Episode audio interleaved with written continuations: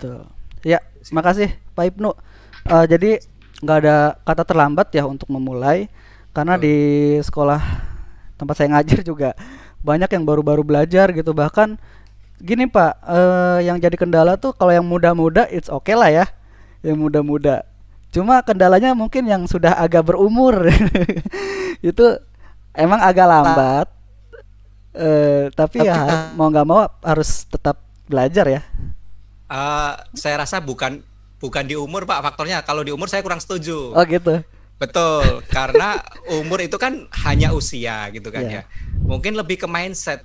Hmm. Mungkin kalau Bapak lihat di kiri kanan banyak yang usia kolonial ya, bukan milenial. Ini istilah baru. Mindsetnya, ah, mindsetnya justru yang milenial gitu kan. Artinya mengikuti perkembangan zaman ya. Kembali lagi ke literasi sih. Selama uh, literasinya bagus ya, dia terus belajar mengikuti perkembangan. Saya rasa mau secanggih apa pun uh, tetap bisa mengikuti sih. Gitu. Jadi bukan karena umur gitu. Iya. Jadi makin belajar malah makin nggak ngerti gitu. Nah, betul. makin banyak yang makin, pengen tahu makin gitu. Pengen tahu ya Pak. Pak Pak Didi, saya ingin ke Pak Didi nih. Ya. Uh, kita kan Indonesia pendidikan Indonesia hmm. ya sudah ingin sebenarnya dari tahun-tahun lalu itu mendekati pembelajaran ya. digital ya Pak. Nah dengan adanya pandemi ini, ini kita seperti dipaksa atau terpaksa gitu ya Pak ya. Bener seperti itu Pak ya?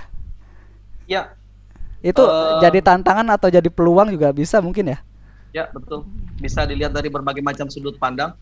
Jadi kalau tadi pertanyaannya apakah sekolah uh, selain sekolah yang sama seperti Al Muslim ini bisa melakukan pembelajaran digital? Hmm. Jawabannya pasti bisa, tapi dengan tingkatan yang berbeda gitu ya.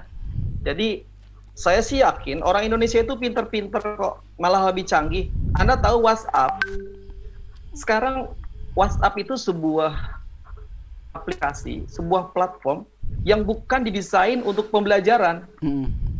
Ya kan? Betul Pak, betul. Setuju saya. Tapi kenapa orang Indonesia dengan kehebatannya bisa menggunakan WhatsApp untuk mem, apa untuk proses pembelajaran? Itu orang Indonesia itu udah kreatif itu. udah hebat. Mungkin diketawain sama orang-orang yang di negara maju itu belajar kok pakai WhatsApp gitu. Emang WhatsApp buat apa gitu? Karena mungkin biasanya WhatsApp doang, Pak. ya, makanya tadi saya bilang uh, pembelajarannya dengan berbagai macam tingkatan. Cuma uh, Indonesia ini kan harus bergerak maju. Bagaimanapun kita harus menyadari kita sekarang berada di zaman apa gitu. Ya. Orang-orang yang usianya sudah di atas 40 tahun tentunya bukan milenial lagi, ya, itu uh, konsekuensi logis dari seorang guru ya harus mengikuti perkembangan.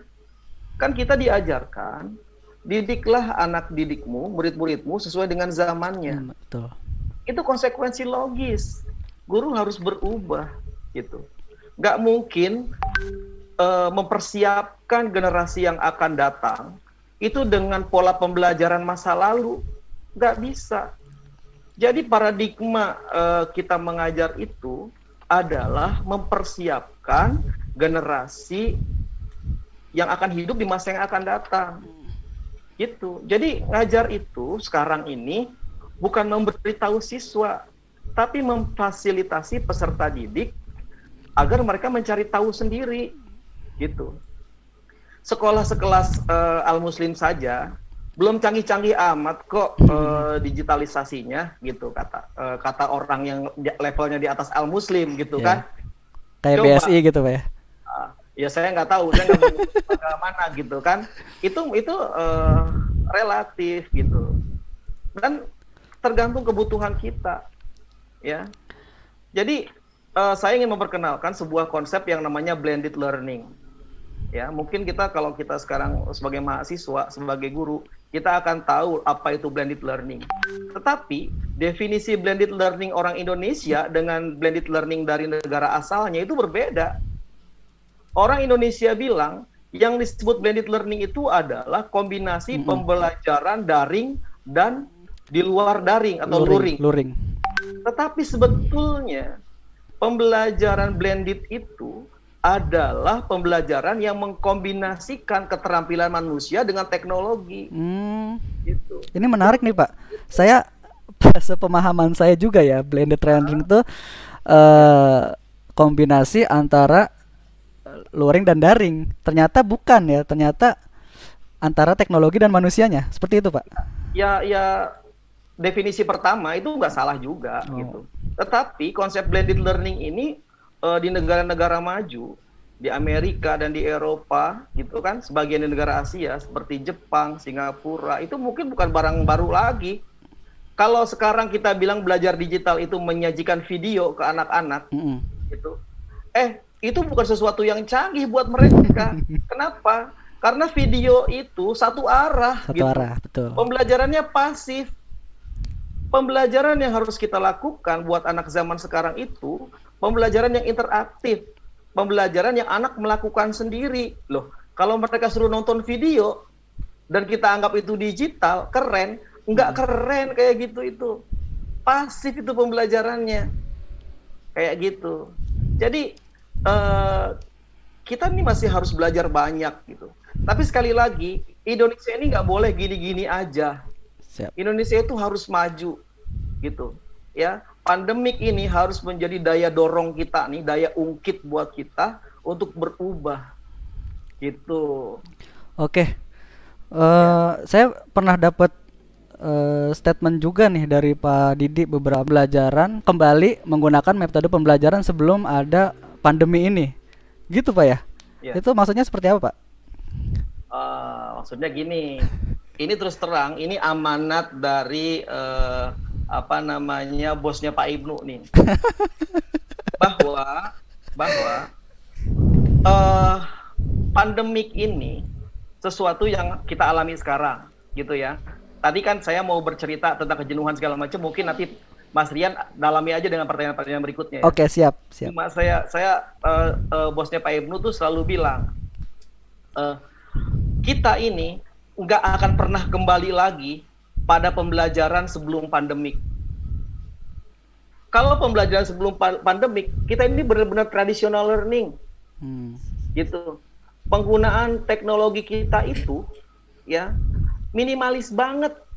Sebelum pandemik, guru-guru memarahi siswa ketika dia bawa handphone atau tablet atau laptop ke sekolah. Bahkan diambil ya Pak? Ya, itu dianggap racun Ya. itu.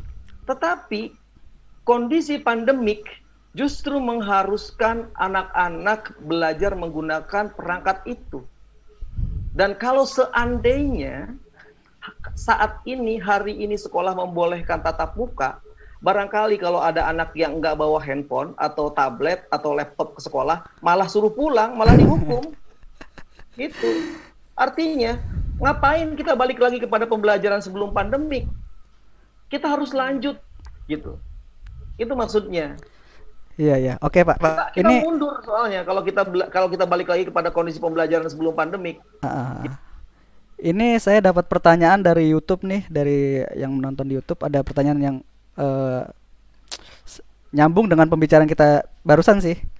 Ya. Eh, dari Gawi Bastian, bagaimana eh, cara memberi materi pelajaran untuk siswa yang tidak mampu, Pak, atau tidak mempunyai alat komunikasi atau kurang mampu bahasa dia seperti itu. Mungkin kan nggak semua anak punya handphone atau tablet gitu. Nah itu solusinya seperti apa kira-kira eh, kalau misalnya itu terjadi di sekolah kita itu? Saya mau jawab dari sudut pandang yang lain ya. Nanti dari sudut teknologi silahkan Pak Ibnu tambahkan Pak Ibnu ya. Ya silakan Pak. Pertama, ini ini zaman kolaborasi ya. Ini zaman kolaborasi. Jangan biarkan seseorang tidak mampu itu sendirian gitu. Sekolah harus menciptakan suatu komunitas di mana pembelajaran itu berlangsung secara kolaboratif. Sekarang nggak ada lagi zaman eh, Superman, orang tampil sendirian. Sekarang nggak boleh ada lagi ranking-rankingan ya kalau memang guru itu bisa mengidentifikasi tentang kemampuan eh, kepemilikan device atau apalah kemampuan-kemampuan yang lain maka si guru harus beras- berhasil mengkolaborasikan dengan peserta didik yang lain banyak cara gitu banyak cara. Intinya, saya sangat menekankan kolaborasi dan guru itu benar-benar seorang fasilitator. Guru itu adalah benar-benar orang yang membantu uh, peserta didiknya untuk belajar. Itu, itu sudut pandang saya. Ya, Pak Ibnu silakan tambahkan. Iya, Pak Ibnu, gimana tuh Pak?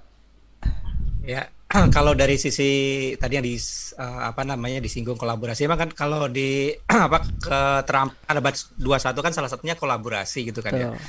Jadi nggak ada kompetisi pak ya? Betul. Kolaborasi saling kerjasama gitu kan. Oh. Maksudnya sal, ya saling melengkapi gitu ya. Kalau dari sisi tools uh, sebenarnya sudah sudah sangat amat sangat didukung gitu ya. Contohnya uh, Google gitu ya. Di Google itu kita bisa uh, apa namanya sharing file di Google Drive misalkan gitu kan.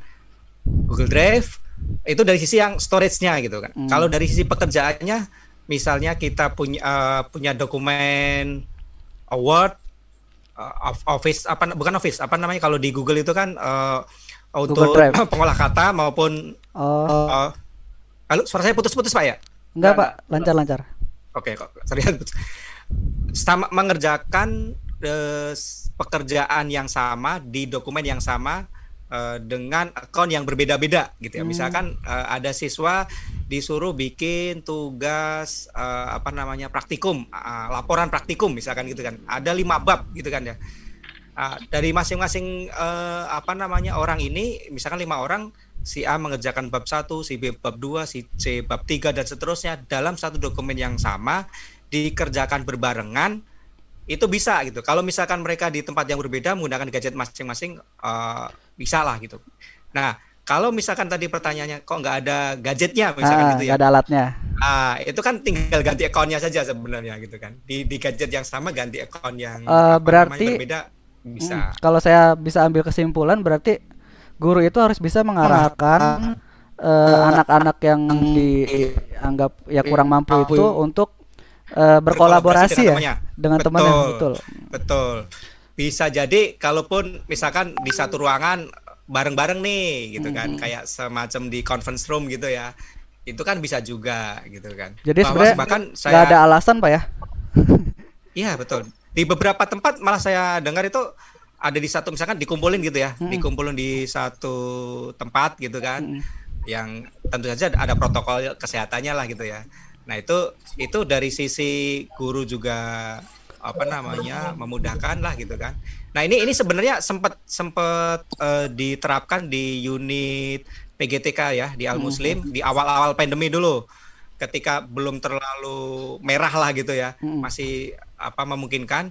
Nah itu beberapa orang tua berkumpul di salah satu tempat gitu ya di salah satu orang tuanya.